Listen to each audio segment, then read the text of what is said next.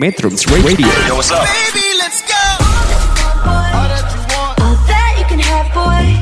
Got me spread like a buffet, bon now. Now they always say congratulations. Come on, strip that down for me. I'm on my way. Girl, come on, strip that down for me. Yeah, yeah, yeah, Metrums. Radio, media terintegrasi kaum muda. Metrum Radio, media terintegrasi anak muda. Assalamualaikum warahmatullahi wabarakatuh. Salam sejahtera bagi kita semua. Shalom, Om Swastiastu, Namo Buddhaya, Salam Kebajikan. Selamat berbahagia metronom semua. Apa kabar nih? Mudah-mudahan di hari yang spesial ini semuanya baik-baik aja ya. Buat kamu yang lagi santai-santai atau beraktivitas di hari ini, semoga harinya berjalan dengan baik dan lancar. Bersama saya lagi Agustina di Cerita Anak Bangsa. Ngomong-ngomong tentang cerita anak bangsa, sebuah acara yang pastinya buat hari kamu makin Indonesia dan makin siap menjemput masa depan. Ya, seperti biasa saya bakal nemani Sobat Metronom semua selama satu jam ke depan. Tapi sebelum kita lanjut, yuk kita dengerin lu- dulu lagu dari Elmatu, Aku Yang Salah. Jangan ke mana-mana, tetap stay tune terus di Metro Radio Studio 3 SMK Bakti Karya Parigi. Selamat menjadi Indonesia. Metrums Radio, media terintegrasi kaum muda.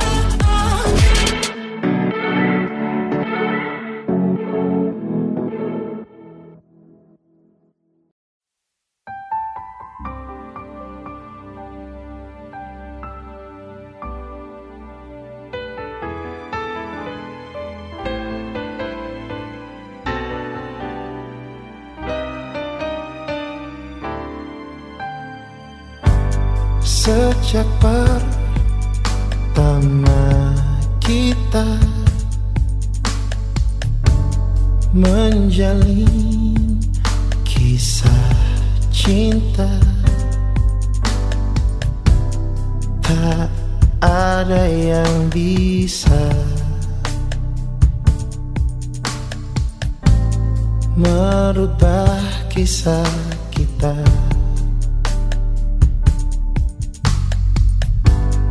Ternyata aku salah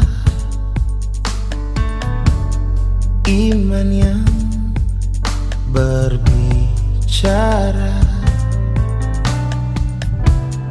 Tolong aku Tuhan.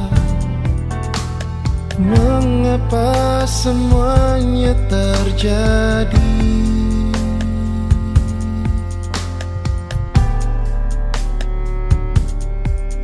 Tolong tanyakan pada Tuhan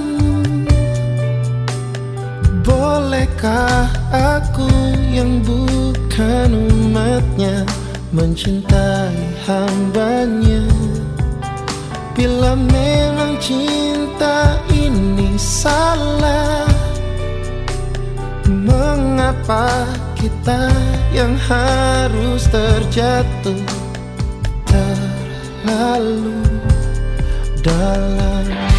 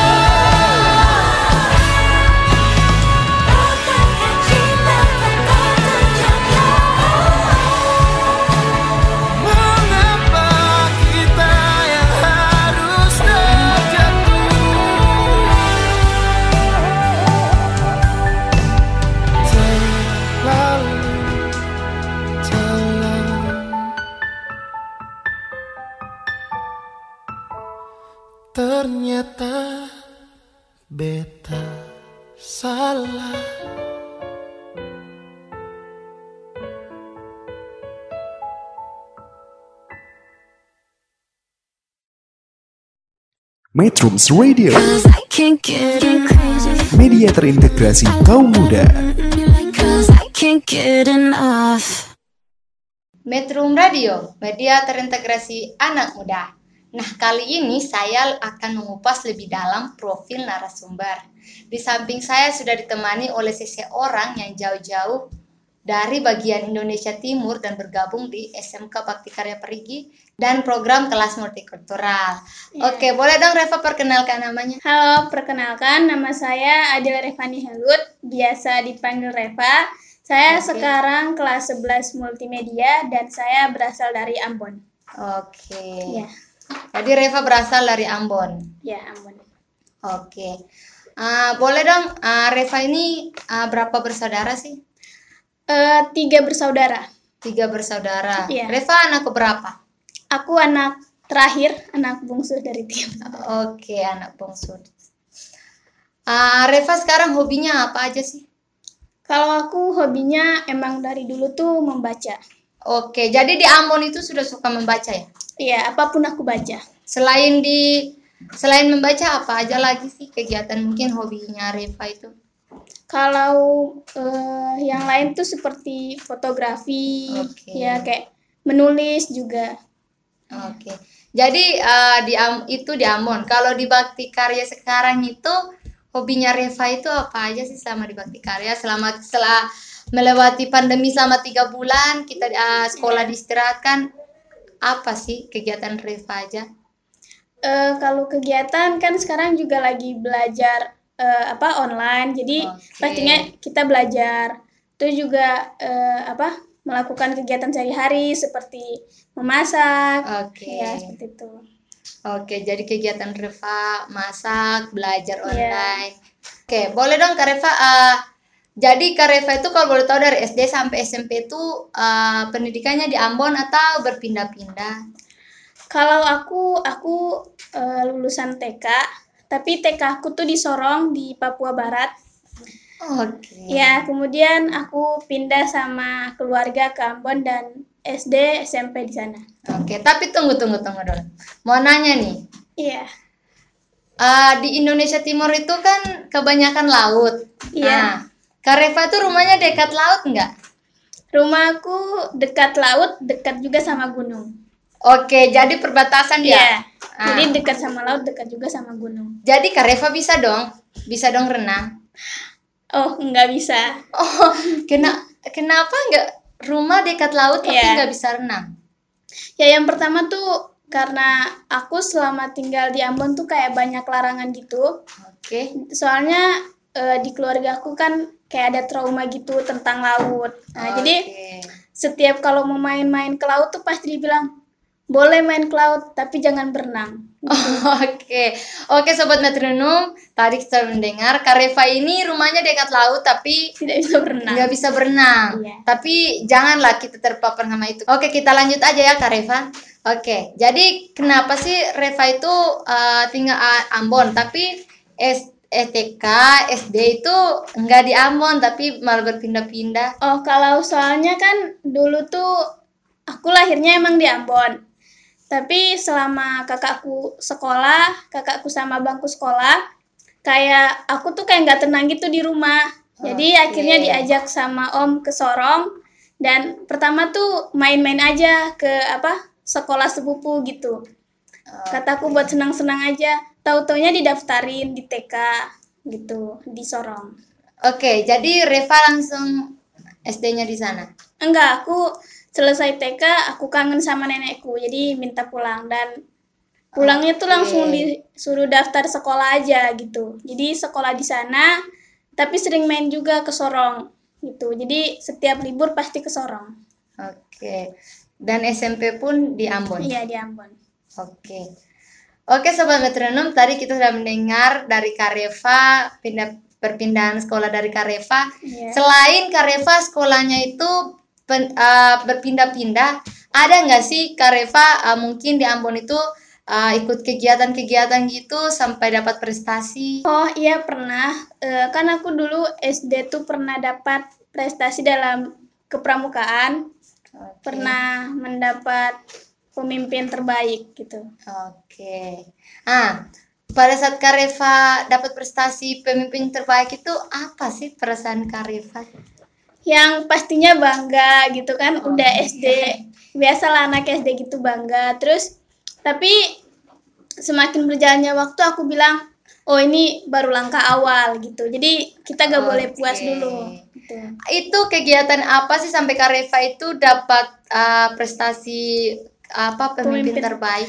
itu eh, kayak kegiatan pramuka terus aku memimpin kelas aku waktu itu aku kelas 5 SD Oke. dan mimpinnya tuh nggak berat-berat amat gitu cuma suruh keliling kampung buat eh, apa ngangkut sampah bersihin kampung gitu Oke. dan ternyata kelompok aku yang paling banyak sampah dan Oke. paling bersih juga di daerah situ Wow. ya Oke Sobat Metronom, tadi kita sudah mendengar cerita dari Kareva selama Kareva ada berada di Ambon. Oke, sebelum kita masuk dalam segmen berikut, yuk kita dengerin dulu lagu dari Opi Andaresta, Single Happy. Jangan ke mana-mana, tetap stay tune terus di Metro Radio Studio 3 SMK Bakti Karya Perigi. Selamat menjadi Indonesia. Metrums Radio Media terintegrasi kaum muda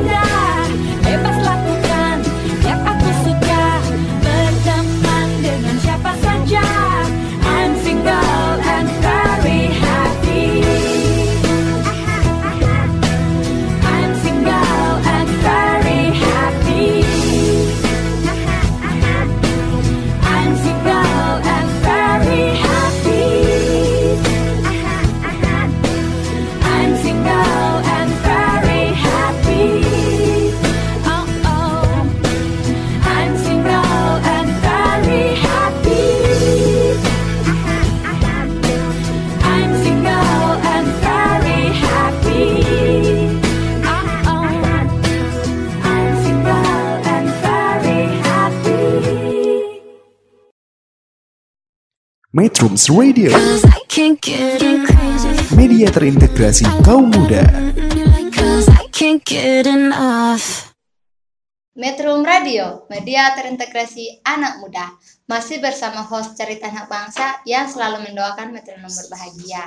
Oke, baik Reva, boleh dong kita lanjut? Iya. Oke, boleh dong Reva uh, berbagai pengalaman-pengalaman di kampungnya Reva yang uh, mungkin asik-asik, sedih, bahkan hingga heroik, hingga Reva ingin kembali ke kampung dan membangun kampung halaman. Oke.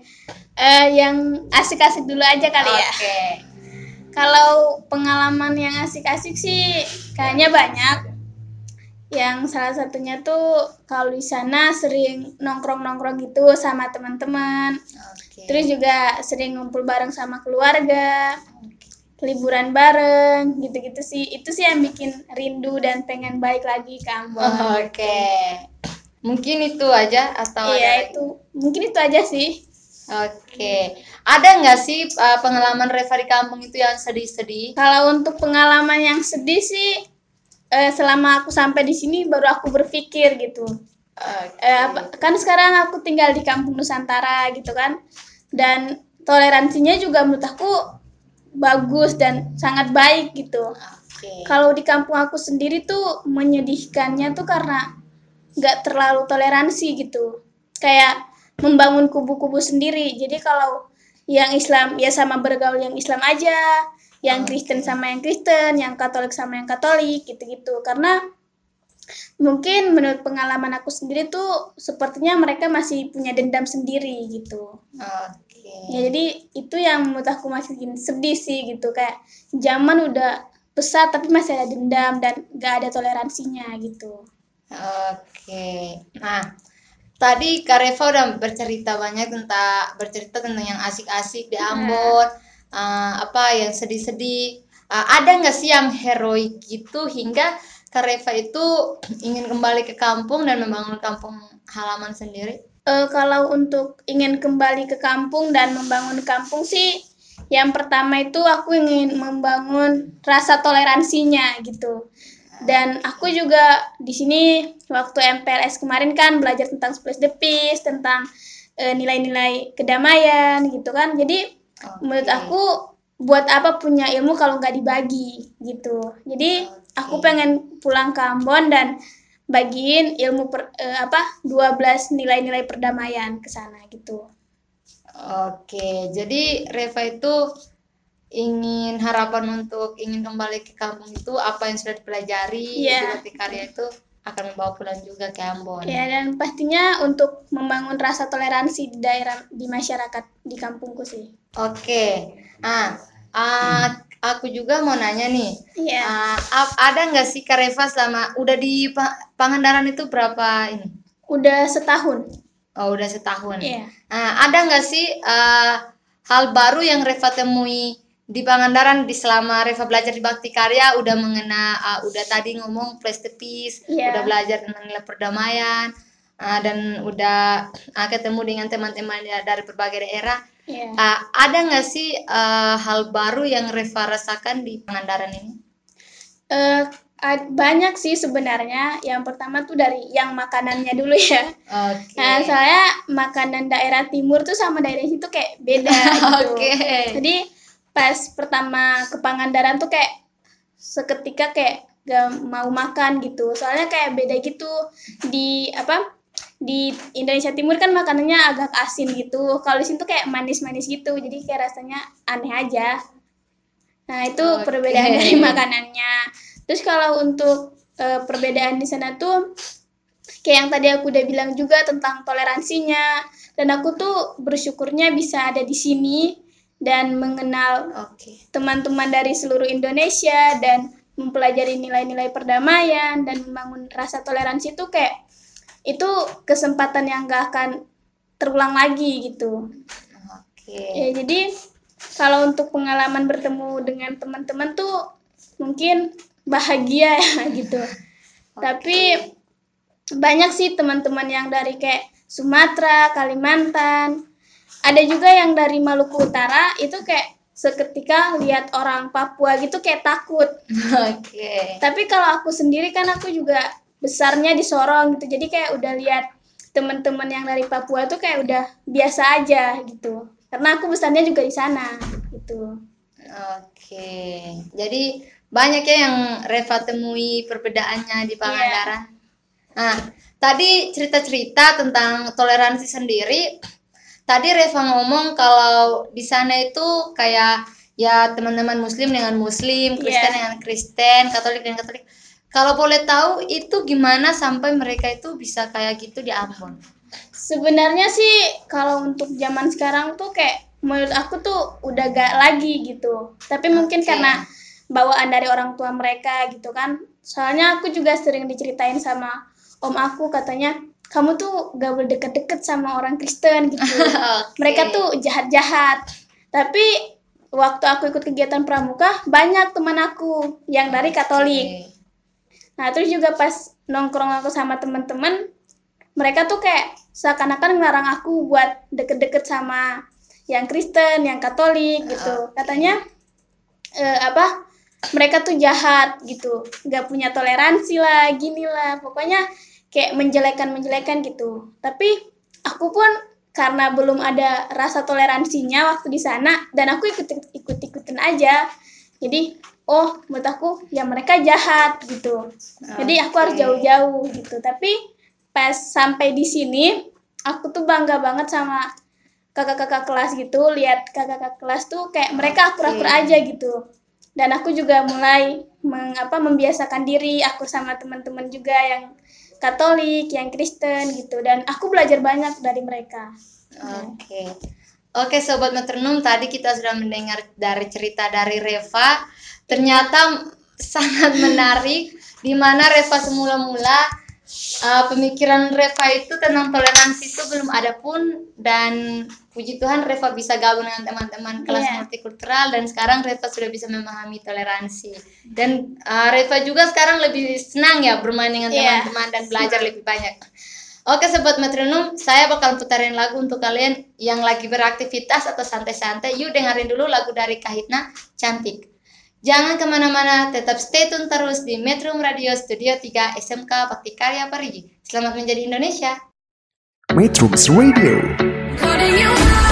media terintegrasi kaum muda.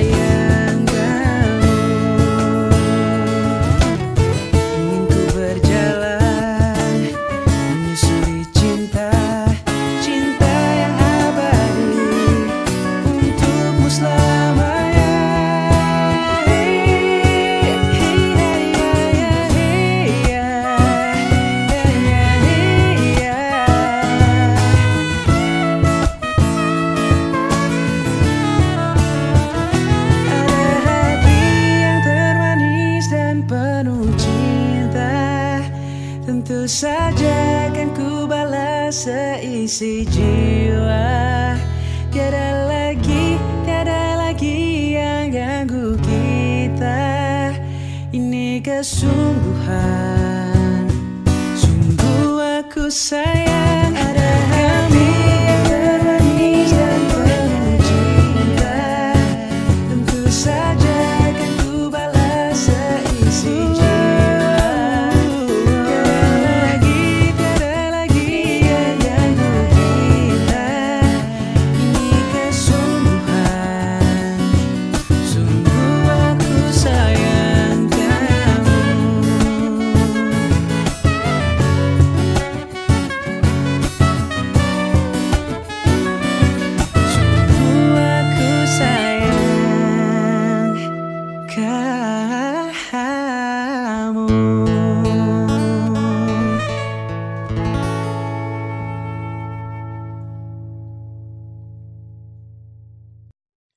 Metrums Radio,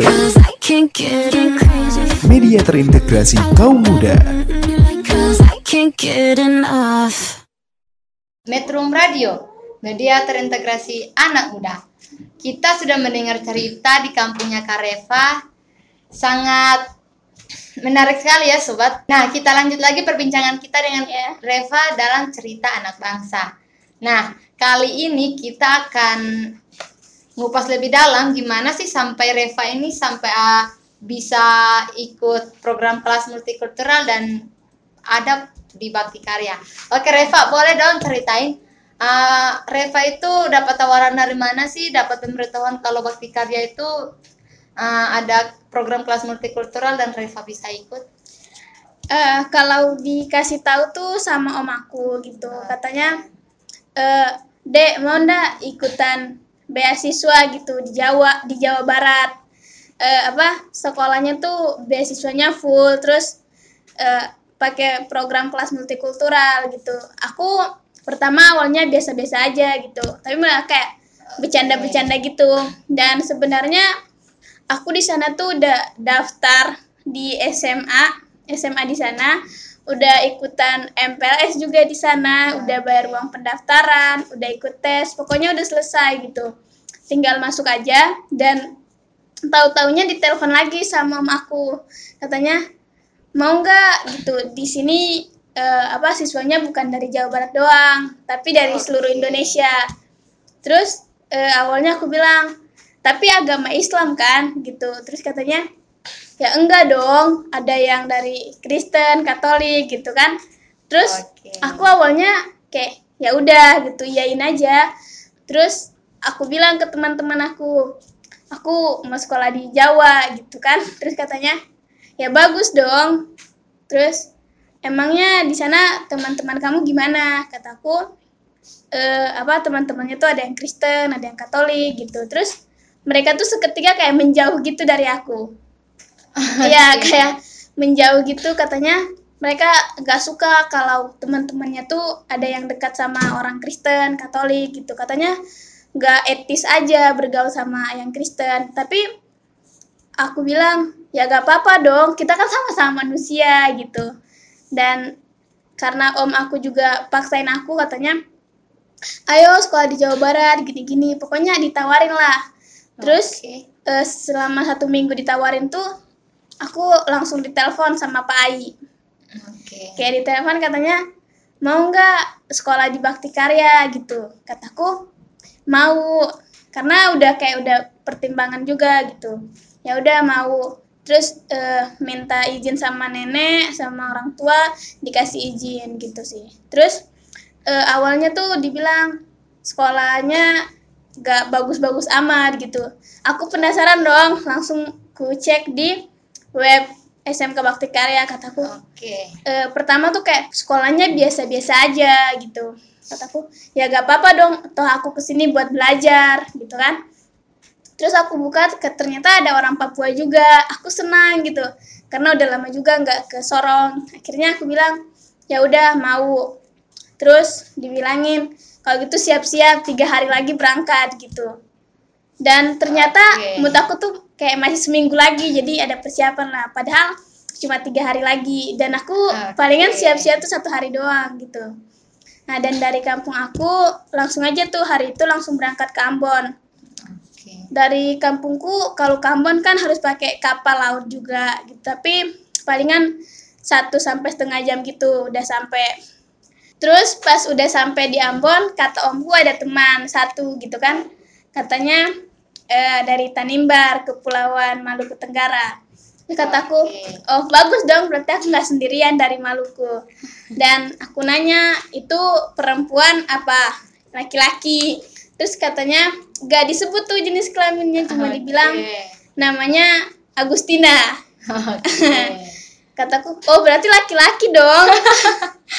Terus katanya enggak dia perempuan dia Katolik gitu. Terus pas dia bilang kat, eh, omku bilang Katolik, aku awalnya kayak ragu gitu, kayak mau bilang nggak jadi tapi udah terlanjur juga mau ikut tapi nggak enak juga. Gitulah pokoknya kayak serba salah gitu. Nah, terus tiba-tiba kata nenek kalau emang bimbang sholat aja gitu. Disuruh Oke. sholat terus ya gimana ya aku kayak tenang aja gitu. Disuruh ke sana disuruh ke Pangandaran gitu. Ya udah akhirnya ikut-ikut aja. Terus pas di mana hari keberangkatan tuh mau ke sini itu awalnya nangis betul. Karena kayak aku kan anak bungsu di keluarga dan kalau emang ke mana-mana tuh ditemenin terus sama abang atau kakak gitu. Jadi baru pernah gitu merantau sendiri gitu.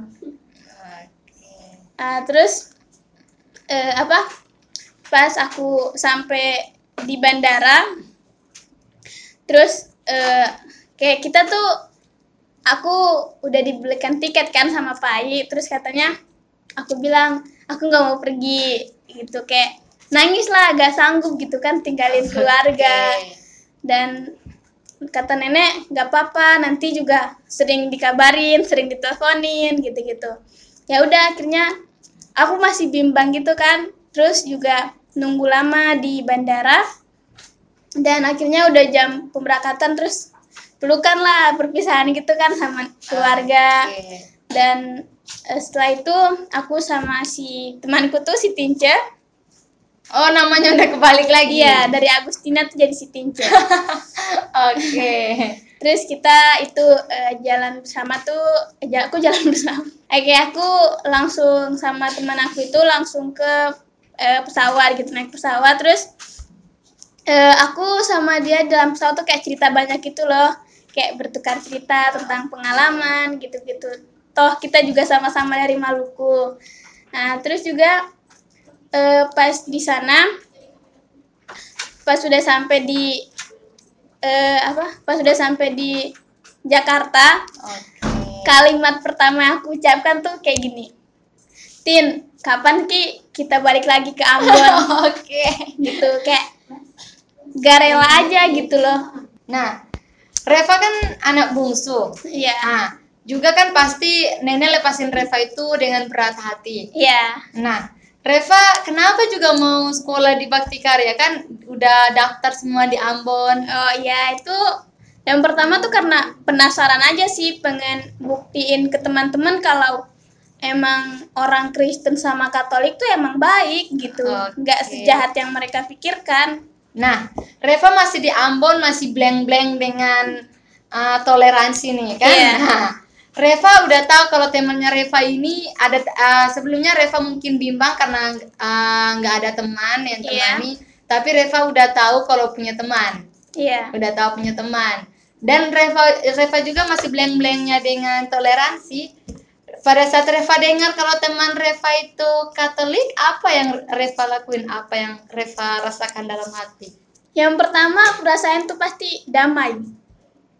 Aku Damai. kayak damai aja gitu denger ke- Kristen atau Katolik gitu. Kayak kayak menurut aku itu udah terbiasa. Karena waktu aku di apa di Sorong juga aku bergaulnya nggak sama yang Islam doang gitu. Aku bergaul sama yang itu. Tapi pas udah ke Ambon ya balik lagi ke habitatnya gitu.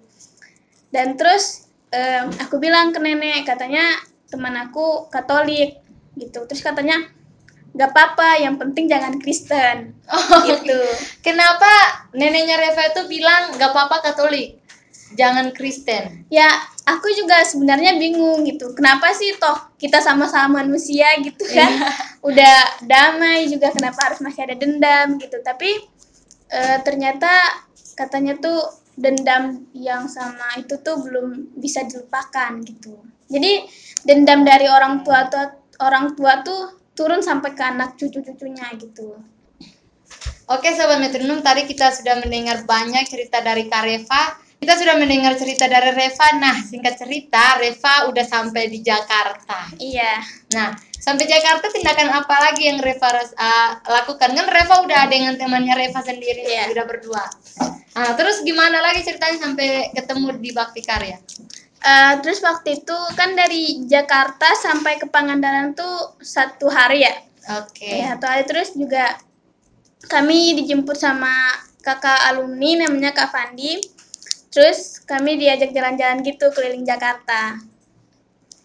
Nah, dan aku tuh orangnya tuh kayak cepat capek gitu dan orangnya juga manja sih kalau udah capek tuh. Nah, ada juga apa? Aku deket sama temen aku tuh gara-gara di situ sih. Aku sering ngobrol sama dia gitu. Terus juga eh, aku sama dia tuh dari apa dari kan kami di bandara itu cuma berdua sedangkan yang lain tuh di bandara Soekarno Hatta sama Oke. yang dari Sumatera dari Banten gitu gitu terus kami diajak jalan-jalan sama Kak Fandi kami disuruh tunggu teman-teman yang lain sampai jadi mereka tuh pakai bis dan kami dijemput Oke. Nah, terus sampai di situ aku akrabnya cuma sama Tince doang gitu. Sama yang lain tuh enggak kayak masih malu-malu iya, masih takut juga iya gitu. Tapi teman-teman aku waktu kita cita-cita katanya takut gitu sama orang Papua jadi gak berani ngomong gitu. Oke. Kalau aku sih enggak karena enggak terbiasa aja gitu. Jadi enggak ngobrol. Terus ya se apa sekian singkat cerita sampai ke Pangandaran itu langsung eh, dibawa ke asrama. Dan aku tuh bingung gitu. Oh, kenapa di sini gitu kan. Oh, ini mungkin cuma istirahat doang, nanti lanjut lagi gitu. Tapi ternyata di eh, tinggal di situ. Dan aku pas pertama tuh masih apa takut-takut gitu, masih nggak biasa. Terus juga pas besoknya sekolah dan aku beruntungnya tuh di kampung Nusantara tuh warga-warganya tuh ramah-ramah betul gitu kayak nggak mandang fisik, nggak mandang agama gitu. Mungkin kayak mereka juga udah terbiasa gitu dan aku bersyukur sih bisa ada di sini gitu.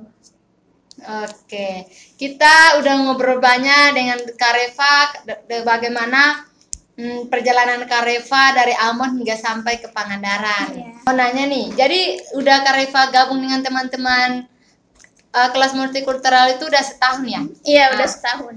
Gimana sih pengalaman Kareva selama bertoleransi dengan teman-teman yang beda daerah dalam berbudaya, dalam uh, beragama? Itu Kareva selama di asrama atau itu gimana sih kak? Eh, yang pastinya sih banyak banget pengalaman di yang aku dapat di sini gitu kan Eh, tentang toleransi yang tadi tentang itu dan aku belajar banyak sih bahasa-bahasa dari teman-teman yang lain kayak bahasa Flores, bahasa Bengkulu, bahasa Oke. Sunda gitu. Jadi terus budaya-budaya juga kita tahu gitu kalau di Flores sama Maluku kan kayak Indonesia Timur. Jadi Oke. kalau ngomong tuh kayak suka keras-keras gitu karena kebiasaan. Tapi kalau kalau orang Sunda sendiri tuh lembut. Jadi kita mulai terbiasa juga ngomong sama orang Sunda tuh harus lembut. Kalau ngomong sama orang Flores gak apa-apa gitu. Jadi kayak harus sesuai orangnya gitu. Oke, kalau dalam beragama?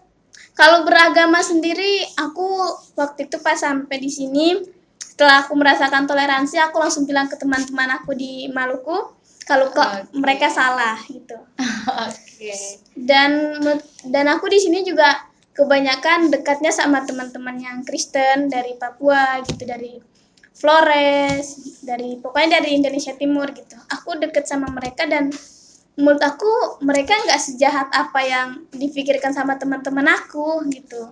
Oke. Dan aku kalau deket mereka tuh kayak rasanya damai betul. karena emang kayak punya ikatan saudara gitu Oke, baik.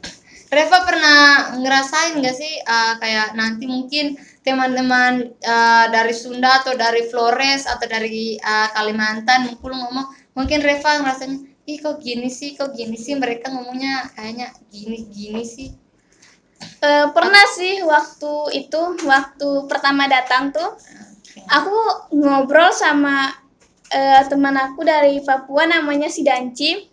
Aku ngobrol sama dia tuh kayak udah ngobrol biasa gitu sama yang waktu di Maluku. Aku ngobrol sama dia kayak rasanya biasa aja gitu.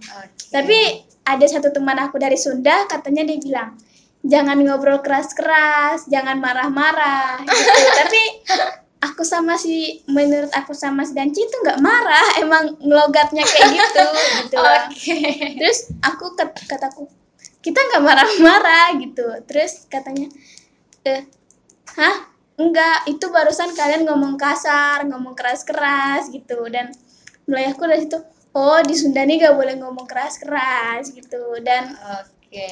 waktu itu sempat aku keceplosan ngobrol sama orang Sunda tuh kayak langsung kasar gitu dan langsung keras gitu ngobrol terus tiba-tiba dia bilang aku buat salah apa kenapa kamu marah gitu Oh, jadi Reva itu udah mungkin udah biasa ya, tapi te- Iya. uh, malah Reva itu takutnya ngomong sama teman-teman yang dari Sunda mungkin Reva itu udah terbiasa di Iya. timur itu ngomongnya dengan nada yang Nada yang- begitu, alunan itu alunan nadanya yang begitu, tapi teman-teman yang Sunda itu berpikir kalau Reva itu lagi Marah-marah. Sampai iya. kadang ya kadang Reva pasti uh, oh mau cara ngomongnya gimana? iya kayak bingung sendiri gitu. Lah ini kan udah gaya bicaranya kayak gini gitu. Tapi eh apa se seiring berjalannya waktu mulai sadar juga gitu. Oh di sini daerahnya ramah-ramah orangnya lembut-lembut. Jadi salah sih kalau kita ngobrol kasar-kasar ngomong keras-keras gitu.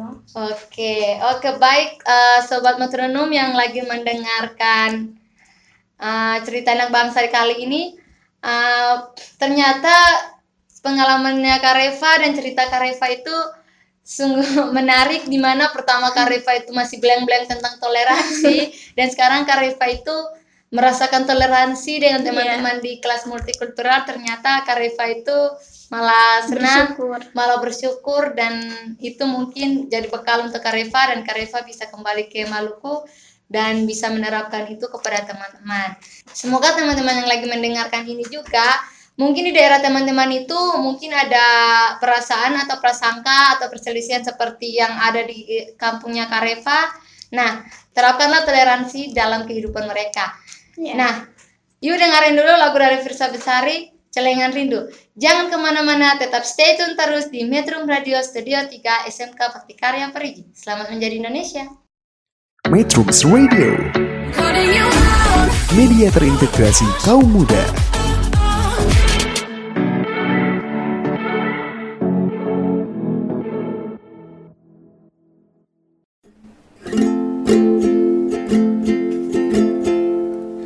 Aku kesal dengan jarak yang selalu memisahkan kita hingga aku hanya bisa berbincang denganmu di WhatsApp.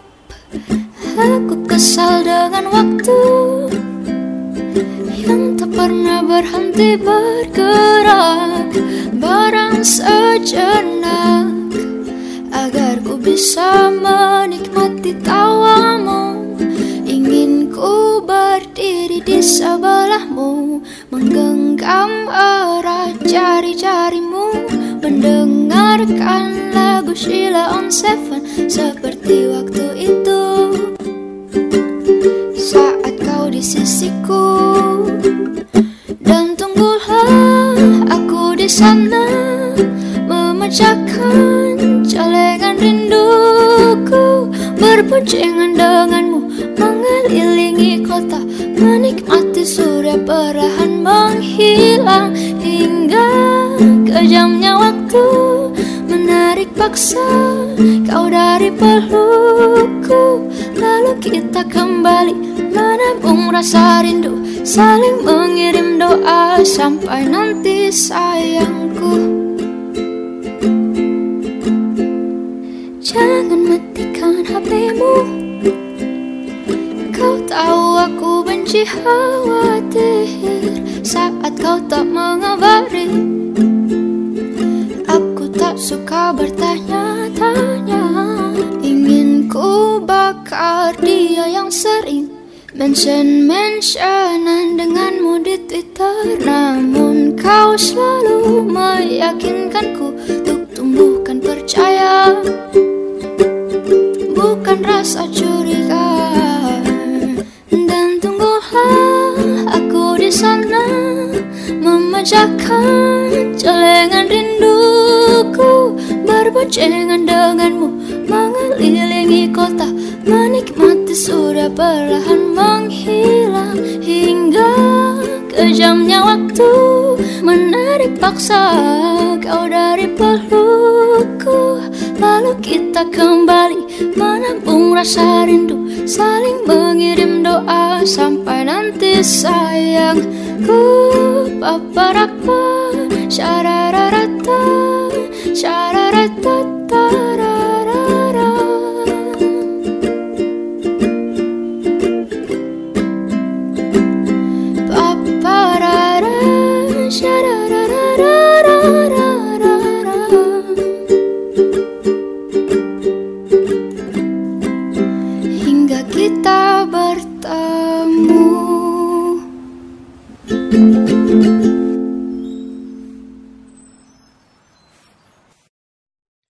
Metrums Radio, media terintegrasi kaum muda. Metrum Radio, media terintegrasi anak muda. Oke Sobat Metronom, tadi kita sudah mendengar cerita dari Kareva tentang uh, perjalanan gimana sampai Kareva bisa gabung dengan teman-teman di Bakti Karya. Oke, di segmen kali ini kita akan mengetahui uh, dan cita-cita untuk Indonesia dari Kareva. Dan kali ini juga kita akan belajar kosakata dari uh, Ambon. Iya. Oke Kareva, boleh uh, boleh dong uh, Kareva cita-cita Kareva sendiri apa sih?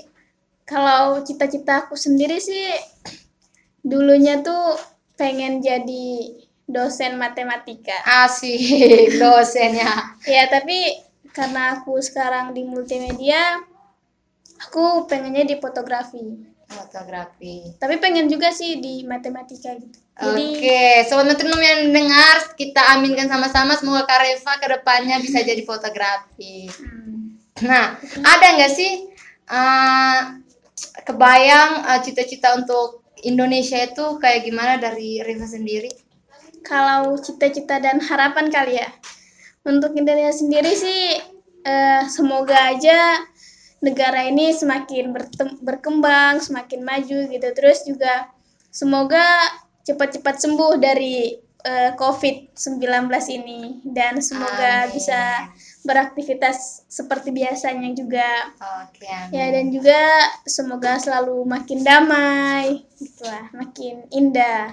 Oke. Nah, kali ini kita akan belajar kosakata dari dari daerahnya Kareva. Iya. Nah, boleh dong Kareva sa sapa sobat metronom yang lagi mendengarkan dari tadi cerita anak bangsa tentang Kareva.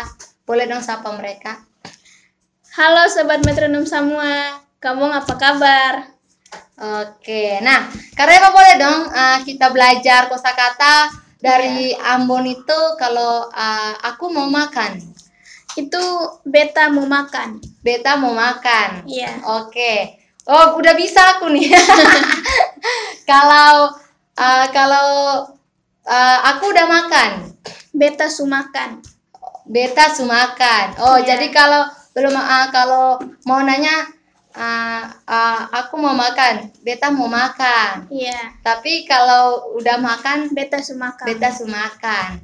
Nah, tapi kalau uh, orang nanya, "Ah, kamu udah makan belum? Itu biasanya ose sumakan ke balom. Oke. Apa tadi? Ose sumakan. Ose sumakan Kabalom. kabalom. Oh, terus kita jawabnya apa dong? Kalau belum ya tinggal bilang belum. Belum? Kalau, ya, kalau sudah bilang sudah. Oh, sudah. Ya, sudah. Oke. Nah, terus kalau uh, ngajak jalan gitu kayak uh, yuk jalan yuk. Ya, biasa aja yuk jalan yuk gitu. Eh, atau ayo jalan gitu. ayo jalan. Nah, ja, terus apalagi ya kalau eh, selamat malam kah, tidur kah, apakah? biasa aja sih palingan cuma kayak diganti selamat malam tuh jadi selamat gitu kayak selamat malam gitu Oh, jadi selamat itu selamat, Selamat, malam iya. gitu ya. Oh, jadi beta sumaka. ya terus Oh, selamat sumaka malam kabalong. Ya Ah, kayaknya cocok sudah jadi apa? oh, kayaknya cocok ya. Cocok Iya. ya kalau aku udah kayak provinsi provinsi Ambon udah bisa aku kan pakai bahasa Ambon. Kamu apa kabar? Begitu. Iya. Oke. Nah, sobat metronom bisa mendengar sendiri perbincangan kali ini narasumber aku ya udah bisa beginilah toleransi jika kita berteman dengan teman-teman dari beda daerah kita sudah bisa belajar banyak dari Iya. bahasanya salah satunya Karefa hari ini Iya. ya kita sudah bisa mendengar bersama Ah, halo sobat metronom apa kabar ada bikin apa ya gitu Iya. dan menanyakan udah makan apa belum teman metronom sudah makan kah belum Iya. Oke, yuk kita dengerin dulu salah satu lagu dari Narue, Sayangkane. Tapi jangan ke mana-mana, tetap stay tune terus di Metro Radio Studio 3 SMK Bakti Karya Pari. Selamat menjadi Indonesia. Metrums Radio Media terintegrasi kaum muda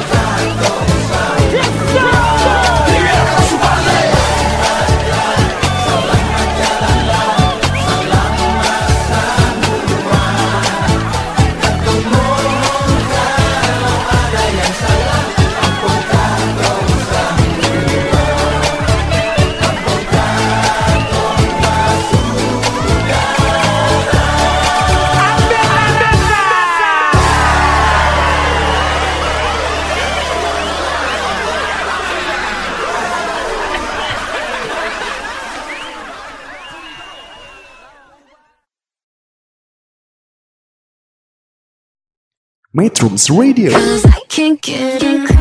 media terintegrasi kaum muda. Metrum Radio, media terintegrasi anak muda. Masih bersama saya Agustina yang nemenin kalian semua. Ya, nggak kerasa nih Sobat Metronom semua. Sudah hampir satu jam saya nemenin kalian semua. Sudah saatnya kita berpisah. Tapi jangan takut, karena minggu depan saya bakal nemenin kalian lagi dalam jam yang sama. Sampai di sini dulu ya kebersamaan kita dalam cerita anak bangsa. Mohon maaf apabila salah kata atau pengucapan. Selanjutnya, Bincang Toleransi bakalan hadir dengan informasi-informasi dari seputar pekerja perdamaian di Indonesia. Selamat berbahagia, stay tune terus di Metrum Radio Cerita Anak Bangsa. Assalamualaikum warahmatullahi wabarakatuh. Salam sejahtera bagi kita semua. Shalom, Om Swastiastu, Namo Buddhaya, salam kebajikan. Metrums Radio, media terintegrasi kaum muda.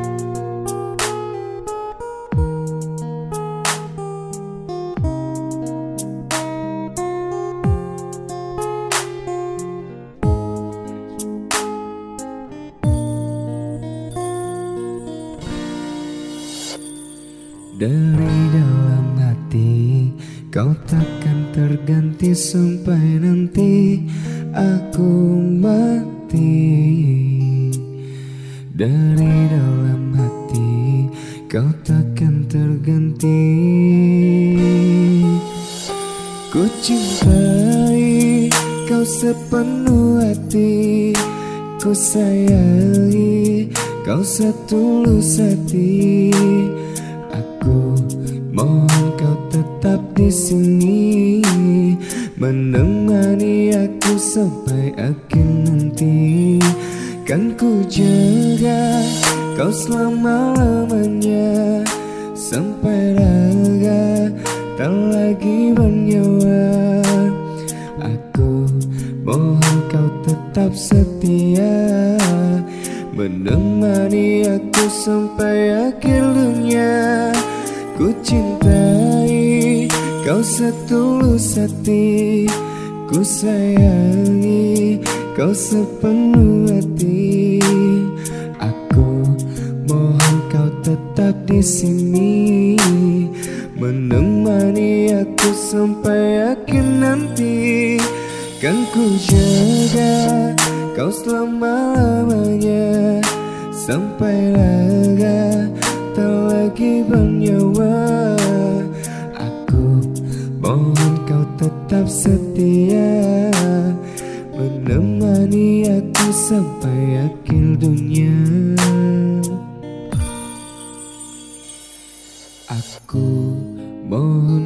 tetap setia Menemani aku sampai akhir dunia. Yolanda.